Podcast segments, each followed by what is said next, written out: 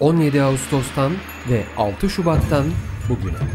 Yapılanlar, yapılmayanlar, yapılamayanlar. Kamu kesimi, sivil kesim, yabancı kuruluşların temsilcileri depremi tartışıyor. Hayatta kalmak için Altın Saatler. Hazırlayan ve sunanlar Nuray Aydınoğlu, Elvan Cantekin, Aziz Şasa, Argun Yum, Muzaffer Tunça ve Gürhan Ertür.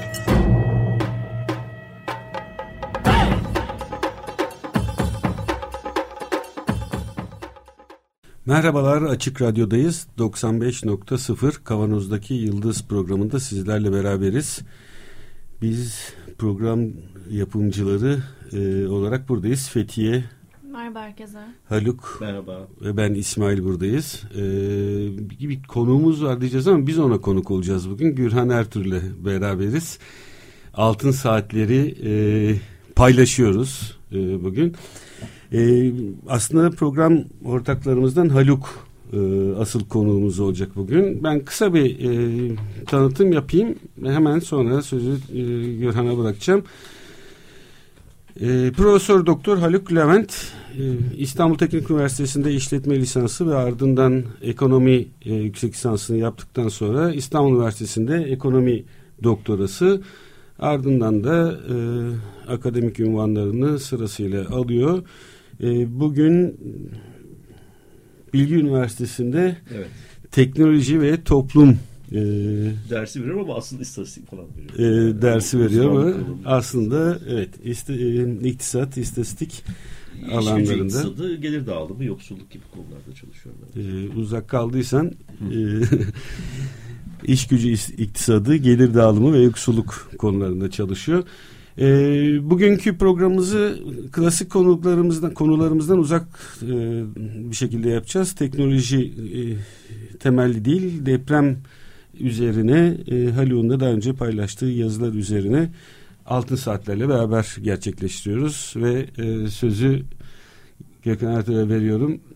Siz Çok edin. teşekkürler. Sağ olasın. Ee, evet arkadaşlar Haluk Levent, Fethiye Erbil ve İsmail Başöz arkadaşlarımızla stüdyoda bir aradayız. Kendilerine çok teşekkür ederiz. Program saatlerini bize verdiler ve biz de onları konuk ettik. Ee, İsmail söyledi. Programın konusu Haluk Levent'in deprem barınma krizi ve sivil toplum başlıklı Medyascope internet sitesinde yayınlanan yazısı. Hocam söz sendedir. Ee, başla, devam et ve programı sen bitir. O kadar. Evet. Peki. Şimdi aslında bu yazıyı yazarken tabii uzun zamandır e, ben Medyascope'da teknoloji yazıları yazıyorum. Yani bir 20 küsür yazı olmuştu. E, bazen böyle e, ağır gündemler olunca da araya girmek, e, girip kesmek e, gerekiyor. E, bu da onlardan bir tanesi tabii çünkü deprem sonuç itibariyle e, bir yandan önlenebilirliğiyle yani hayat şey depremin kendisinin değil ama sonuçlarının önlenebilirliği ve kontrolüyle ilgili bir şey olduğu için e, bu fakat bu tabi hemen akla önlenebilirlik gelince akla deprem öncesi deprem sırası deprem sonrasında yapılacak işler geliyor ki sizin 20 yıldır herhalde 20 24 oldu. 24 oldu 24 yıldır e, işlediğiniz konular bunlar e, bunlardan bahsetmektense ben biraz daha sistemik bir bakış açısıyla e, ele almaya çalıştım. Yani e, bu herkes tarafından bilinen apaçık bir gerçeklik olarak ortada dururken niye bir türlü 25 yıldır e, herhalde yüzlerce belki binlerce uzmanın uyarılarına rağmen sistem e, bir türlü değişmedi ve bu şekilde devam etti. E, onun altını çizmeye çalıştım. Tabii bir parça iktisatla ilgili olduğu için de e, bunun, bunun herhalde işte bir iktisatçının üzerine düşer diye düşündüm ki aslında pek çok meslektaş zaten bu konuda daha önce de yazılar yazdılar. Şimdi şöyle bir bu meselenin özünde bir rant üretimi yatıyor. Şimdi rantla kapitalizmin işleyişi aslında birbiriyle çok uyumlu da sayılmazlar. Yani kapitalizm piyasa işleyişi sürekli bir dizi rant üretme eğilimi içerisindedir. Ancak bu rantlar e, bir süre sonra yeteri kadar hatta yani büyük bir miktara ulaştığında e, piyasa işleyişini de bozucu bir etki yaratır. E, bu genel bir şeydi. Bunu daha çok teknoloji üzerinden aslında daha önceki yazılarımda ele aldım. E, bu teknoloji çünkü e, bugün konuşacağımız bu imar temelli rant üretim mekanizmasından çok daha büyük miktarlarda e, rant üreten bir e, mekanizma ve burada tabii bilimle hep üzerine duruyoruz. Bilimle teknoloji arasındaki asimetrik ilişkinin e, ve orada ortaya çıkan yani bilimin bir kamusal e, alan olması ve bu kamusal alanda üretilen bilginin bilgi birikiminin e, herhangi bir kayıt koşul olmaksızın teknoloji tarafından bir özel mülk haline getirilerek e, piyasalaştırılması ve bu çerçevede ortaya çıkan e, inanılmaz büyük rantların ve giderek de büyüyen e, büyümeye devam eden rantların e, bir süre sonra artık bu asimetrik ilişkiyi taşıyamaz hale dönüşerek e, piyasa işleyişinde bozduğundan bahsediyorduk sürekli. E, şimdi bu yazıda da bu imar rantı aslında benzer bir mekanizma. Ee, neden böyle bir şeye yol açıyor onu da e, bir örnek üzerinden ele almaya çalıştım. Burada şöyle bir örnekten bahsedebiliriz. Ee, bir tarla düşünelim. Yani arazi niteliği, arsa niteliğine kavuşmamış bir ar arazi. Bunun 100 lira değer biçerim. Örneği biraz daha somut kılmak için e, böyle takip et, bu, bu yolu takip etmek uygun olur diye düşünüyorum. E, bu 100 liralık arazi öyle kendi kendine duruyor. Orada kendi kendine dururken nasıldır? Yani o arazinin sahibi kimse onun serveti içerisinde bir anlam ifade eder, bir büyüklük taşır. Ee, bizim iktisatçıların çok böyle sevdalı olduğu bir büyüme meselesi vardır. Gayri safi yurt içi hasıla büyümesi. Ee, ulusal hesaplar muhasebesi açısındansa orada bir hareket gerçekleşmediği sürece hiç sıfır etkisi vardır. Yani hiçbir şekilde görülmez. Şimdi bir an e, geldiğinde e, işte kentin çeperindeyse bu arazi e, kentte bir kamusal karar olarak gerçekleştirilen imar düzenlemesi çerçevesinde bu arazinin arsaya dönüştüğünü varsayalım. Yani bir terfi almış oluyor arsaya doğru.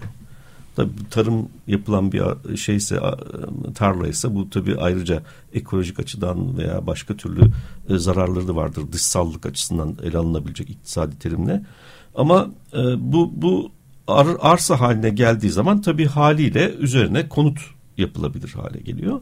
Ve bu e, konutunda diyelim ki işte bin, bu yazıdaki örnekten gidecek olursak bin liralık bir harcamayla bir müteahhitin e, konut yaptığını düşünün. 10 tane daire yaptı.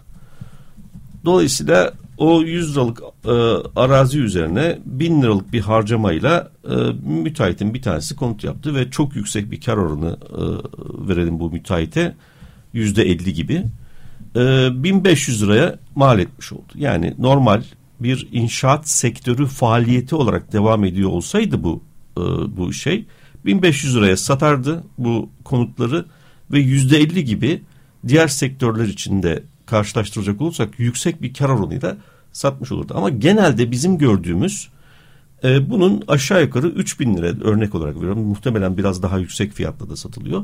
3 bin liraya sattınız. Dolayısıyla ortada 1500 liralık bir değer var. Üretilmiş bir değer var. Ama 3000'e satılıyor. Arada 1500 lira ekstra bir bizim rant olarak adlandırdığımız dolayısıyla herhangi bir iktisadi faaliyetin e, sonucu gerçekleşmeyen e, iktisadi faaliyetin dışında gerçekleşen bir e, şey. Bir balon artış diyebilir miyiz buna yani? Balon ee, değil. Yok hı. balonun çünkü çok spesifik bir hı. kullanımı var.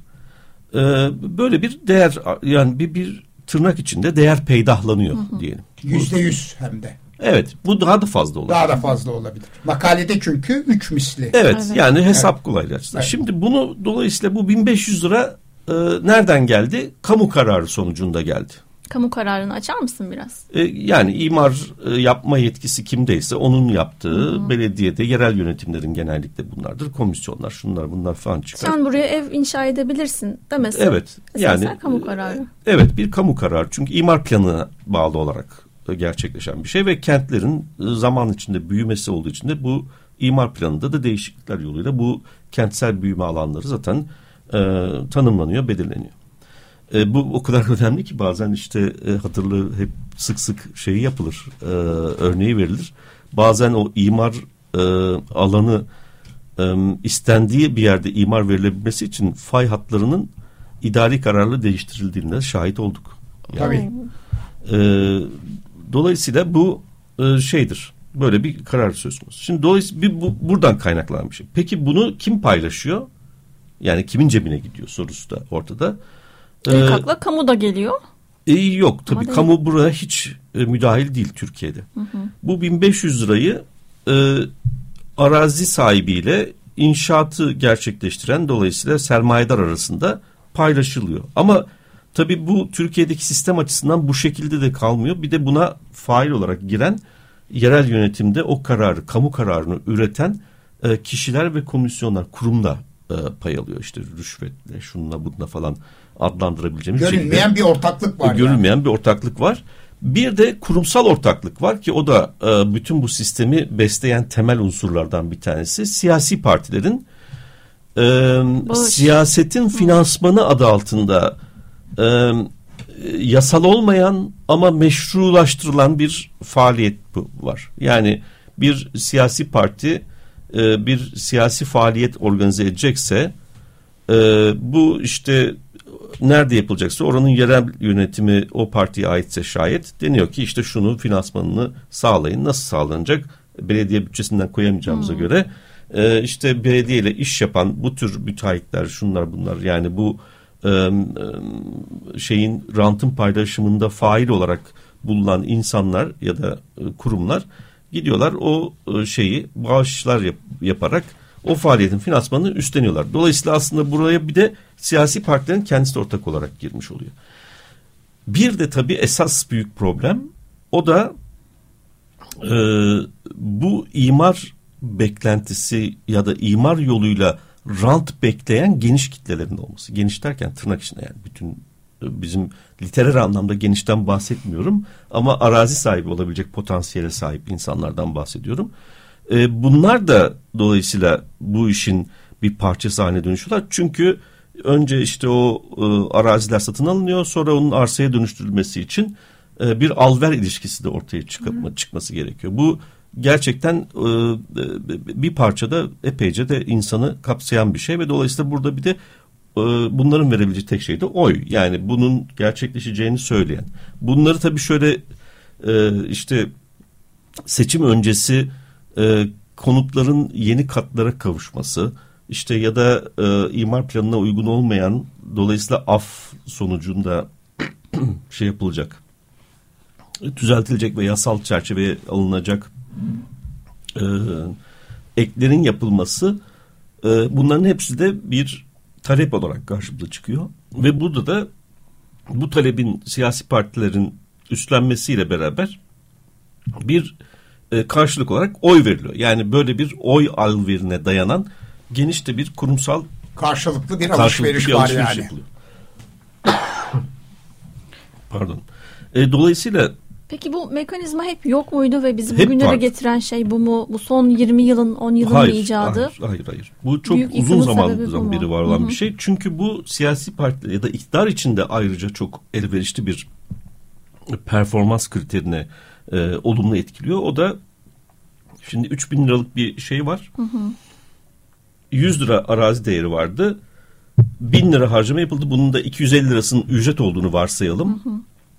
Ee, 750. 750 lira başka sektörlerden e, mal olarak yapıldı, alınmış oldu. Dolayısıyla o sektör yani inşaat sektörünün içerisinde yer almayan bir şey. Yani 850 liralık bir girdiyle 3000 liralık bir e, katma değer e, daha doğrusu 3000 eksi 850 liralık yani 2150 liralık bir katma değer yaratıyoruz. Bu çok çok yüksek bir oran.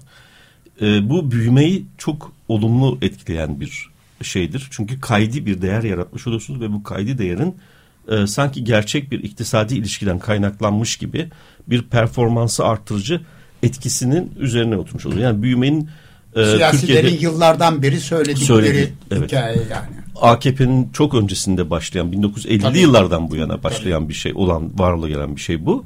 AKP bunu çok e, yükseltti.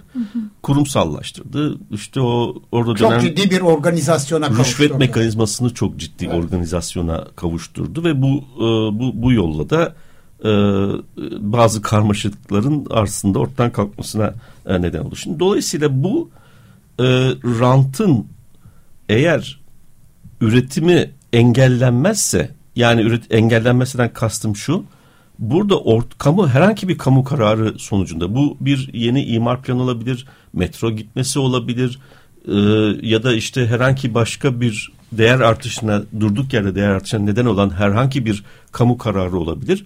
Bunun sonucunda o rantın oluşan rantın büyük ölçüde şeye döndürülmesi, kamuya tekrar geri döndürülmesi ni içeren bir mekanizma, bir müdahale olmaz ise bunun önüne geçmenin imkanı yok.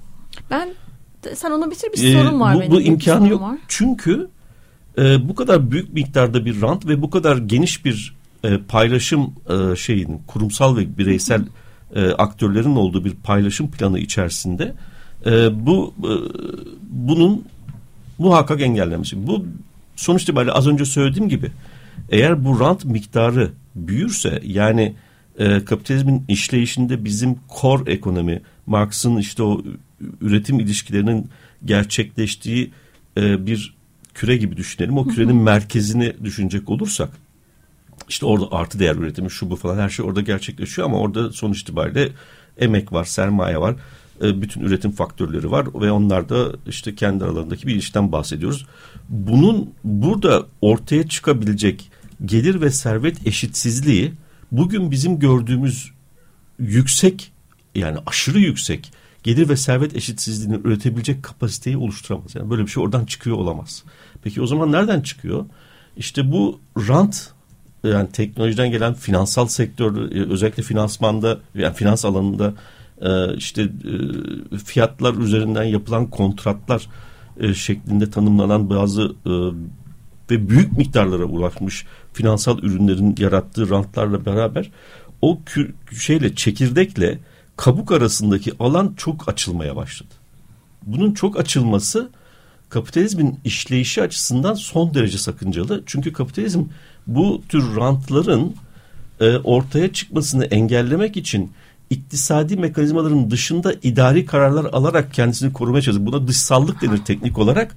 O dışsallıkları e, ölçülebilir hale getirip e, işte yani o asıl e, üretim e, şeyine biçimine e, karakterini veren işleyişi bozmasını engellemek üzere e, şey yapar e, kontrol etmeye çalışır.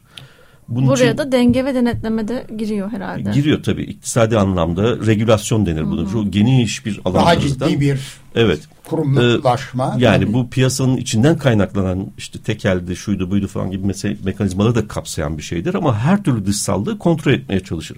Bunu kontrol edemediği ölçüde kendi varlığını ortadan kaldırma tehdidi oluşturacak bir durum ortaya. Bu ki bugün e, benim uzun zamandır e, savunduğum bir görüş kapitalizmin yıkılmakta olduğu yeni bir sınıflı topluma doğru gidiyor olduğumuzu e, za dair işaret de işte o çekirdekle kabuk arasındaki alanın aşırı açılmasından kaynaklanıyor. Şimdi dolayısıyla bu e, imar rantları da benzer şekilde e, e, normal e, bizim e, olduğunu varsaydığımız toplumsal ilişkiyi ve o toplumsal ilişki temelinde ortaya çıkan toplumsal sözleşmeyi derinden sarsan bir niteliğe kavuşuyor. Orada şu soruyu sormanın bence tam yeri yani. O zaman doğası gereği bu network, bu sistemin içinde, bu yapılaşmanın içinde zaten bütün yönetmeliklere uygun güvenli konutlar inşa etmek mümkün değil miydi en başından? Bu rant sisteminin içinde. Mümkün. O tabii güvenli konut meselesinde bir de ayrıca denetim e, hikayesi var. O çok apayrı. Denetim neresine düşüyor bu rant sisteminin? Yani hali hazırda E- kendi oyuyla hızlı bir şekilde ve ucuz evlere ulaşmaya çalışan halk bunu herhalde daha pahalıya ve daha güvenli hale yaptırmaya doğru evrilmez o toplum. E, denetim bunun dışında bir alan. Aslında bu rant mekanizmasının e, hem parçası hem değil. Çünkü zaten çok iyi konutlar yapılarak da bu rant mekanizmasının içerisinde kalınabilir. Denetim katmerli hale getiriyor. Denetimsizlik daha doğrusu katmerli hale getiriyor ve biraz daha miktarın genişlemesine ya da alanın genişlemesine e, yol açıyor. Şimdi burada tabii e, bir başka mesele de şu. E, e, bu eğer böyle bir düzen yani önce nasıl bir şey kurulması gerektiği yani bu herkesin bildiği bir şey. Bütün e, olgun kapitalist ülkelerde e, e, bu tür rantlar hesaplanması zordur aslında ama imkansız değildir hesaplanabilir ve bu hesaplanan rantlar üzerinden de yüzde seksene falan kadar varan e, imar rant vergisi gelir. Ee, e, bunun teorisi de vardır, iktisat teorisi de vardır aslında. Genişçe bir arka planı da vardır. E, dolayısıyla bu rant vergilerinin iki türlü alabilirsiniz. Ya para ya da e, yapılmakta olan konutların bir miktarının yerel yönetimlere e, devre devriyle gerçekleşir. Daha çok bu yol tercih edilir. Çünkü bunun e, bir sosyal konut olarak kullanılma imkanı da vardır. E, sosyal konut olarak kullanıldığı zaman e, bizim muhalefetin bir türlü kavrayamadığı bir e, yani ve yanlış kullanılan bir kavram. Yani sosyal konut deyince hem iktidar hem e, muhalefet e, sosyal toki olarak algılıyor. Yani hı hı. bir konut imalatını sosyal konut olarak görüyor. Bu, bununla alakası yok. Sosyal konut doğrudan doğruya barınma krizini hatta anayasal hak olarak tanımlanan barınma, barınma hakkının e, erişilebilir hale gelmesi için, barınmanın erişilebilir hale gelmesi için uygulanan politikalar demetine hı hı. dahil bir şeydir. E, dolayısıyla bu e, konut stoğu yerel yönetimlerin elinde olduğu zaman yerel yönetimlerin kiralık konut piyasasına doğrudan müdahalesini de mümkün kılar. Aslında pek çok yerde kiralık konut piyasası da zaten kontrollü fiyat uygulamasının Tabii. olduğu yerdir. Yani öyle herkes kafasına göre bir e, değer biçerek e, ortaya çıkmaz. Eksperlerin, uzmanların gelip e, konutun belli kriterler çerçevesinde değerinin, kiralık değerinin ne olduğunu belirler ve onun üzerinden bir e, kiralık ilişkisi ve kiralık kontratı gerçekleştirilir. Dolayısıyla bu rant vergisinin aynı zamanda sosyal konut ve barınma krizinin çözümü için önem taşıyan bir politika olarak sosyal konutun da e, yapılabilme, e, sosyal konut politikasının da dizayn edilip tasarlanabilmesi için e, uygun bir adım olduğunu Dolayısıyla burada birkaç tane şeyden bahsediyoruz. Bir e, konut güvenliği açısından e, meseleye yaklaşmak. Yani denetimi burada da işin içerisine katarak ama esas itibariyle e, e, bu rantın oluşması, rantın e, oluşması engellendiğinde bu tür faaliyetlerin cazibesini de ortadan kaldırmış olacağımız için e, önemli bir şey olacaktır. İnşaatı zapt rapt altına almak yani bugün işte hep söz geliyor 300-400 bin e, çünkü farklı farklı rakamlar duyuyorum 450 bin diyorum 350 bin diyorum müteahhitin olması evet. e, neden çünkü burada bir büyük e, cazibe söz konusu. Bu rant bu, bu cazibeyi Hiçbir yaratıyor. Hiçbir yetkinlik gerektirmiyor. Hiç de yani giriş çıkışın herhalde tam gerçek anlamda serbest piyasa aranıyorsa herhalde buraya gidilebilir. Giriş çıkışın serbest olduğu bir piyasadan bahsediyoruz. Çünkü müteahhitlik piyasası eğer böyle adlandırılacak olursa. E, dolayısıyla bu bir yandan işte niteliksel olarak bu tür bir faaliyeti yürütemeyecek aslında e, konut yapma yeterliliği olmayan ya da konut yapma işlemini organize etme yeterliliği olmayan. Çünkü konut yapanların da benzer şekilde taşeronlaştığını düşünecek olursak bu piyasanın konut yapanların da bu yeterlilikten uzak e, bir takım unsurları barındırdığını ve bu yüzden de işte denetime ihtiyaç duyulduğunu görüyoruz. Ama bütün bunların e, normal akış, normal daha doğrusu e, normal bir e, yoldan gidebilmesi için öncelikli olarak ilk fırsat, ilk, adım olarak bu rantın e, kamuya tekrar geri döndürülmesini e, kabul etmesi. Bu kapitalizmin ruhunun temelinde de yer alır. Yani çok sosyalizan bir şey de değildir, talep de değildir. Hı hı. Doğrudan doğruya kapitalizmin e, ruhuna uygun bir e, taleptir. Dolayısıyla bunun e, hemen aciliyetle e, eğer bir iktidar değişimi söz konusu olacaksa e, muhalefetin programında ilk olarak e, yer alması gereken şey budur. Bu e, muhalefet partilerine bakıldığı zaman aslında bunu reddedecek kimse de yok. Yani evet, yok, yok birbirinden yani. farkı. Evet. Evet maalesef. Dolayısıyla, dolayısıyla böyle bir e, talebi yükseltmemiz gerekiyor. İkinci olarak da e, bunun üzerinde barınma krizi artık bir bunalıma dönüşmüş olduğu için e, Türkiye'de makro dengeleri bozan e, ucube programlar nedeniyle bir şeye dönüşmüş olduğu için e, bunalıma dönüşmüş olduğu için bunu tesis etmek üzere bunu tekrardan e, yani barınmak e, bu krizini ortadan kaldıracak politikaları e, yaratmak açısından da e, bu rantların e, yerel yönetimlerin elinde kiraya verilebilir e, konut stokunu artacak şekilde yapması. Ama tabii bu epeyce süre alacak mesela. Evet ama bu ama, konuda makalede çok güzel iki tane örnek var. Belgium ve Londra'dan. Evet. Yani benzer e, formüller Türkiye'de de çok rahatlıklıkla uygulanabilir. uygulanabilir. Onlar Ar konusunda da bir dakika içinde bir kısa bilgi verebilirsen iyi evet, olur. Yani Berlin'de yerel yönetimin e, elinde konut kiralık konut konut piyasası yani piyasasında yer alan konutların yüzde kırkı bulunuyor. Dolayısıyla bu çok olağanüstü bir e, rakam. Londra'da yüzde yirmilere kadar varan bir e, konut yapılan konutun e, yüzde yirmisini almaya kadar varan bir bunu şey yerel var. yönetimler yerel yönetimlerde evet, tabii. merkez değil yani. Merkez değil. Bu merkezden yapılabilecek yürütülebilecek bir politika değil, değil zaten. tabii. Yani bütün diğer alanlarda olduğu gibi Hı. burada da ademi merkeziyetçi bir e, yapının kurulması çok önem taşıyor. Bu çerçevede e, yerel yönetimlerin bütçe haklarının geliştirilmesi genişletilmesi de çok büyük önem taşıyor. Bütün bunların hayata geçirilebilmesi ve diğer benzeri politikaların hayata geçirilebilmesi açısından.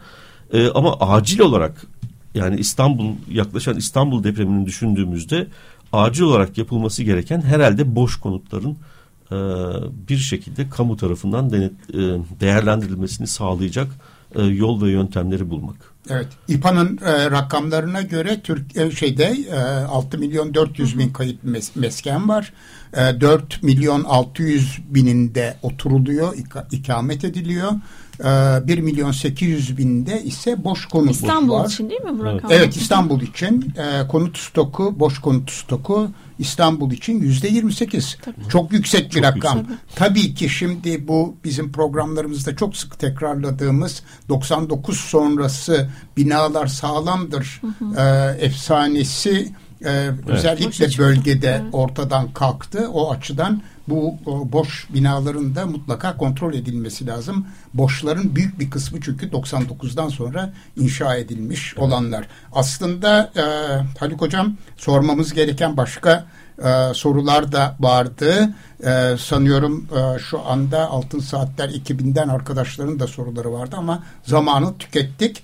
E, çünkü yarım saatlik bir süreniz var artık. Evet. Yani itiraz ediyoruz. Evet yani bu e, süreyi önümüzdeki dönemde e, arttırmak için ne yapabiliriz bilmiyorum. Bizim yönetime başvuralım. Tamdır. Evet. Şimdi e, programı burada bitiriyoruz. Çok teşekkürler arkadaşlar. Teşekkür ederiz. Evet İsmail Başöz e, hiç konuşmadı. E, Fethiye Hanım size çok teşekkür ederiz ve Haluk Hoca teşekkürler. Evet biz yarın e, saat 13'te Açık Deniz programında Beysun Gökçin'le birlikte olacağız. Benzer bir şekilde o da bize devretti yine geçen hafta olduğu gibi. Evet şimdilik hoşçakalın diyelim. Yarın görüşmek üzere. Hoşçakalın. Hoşça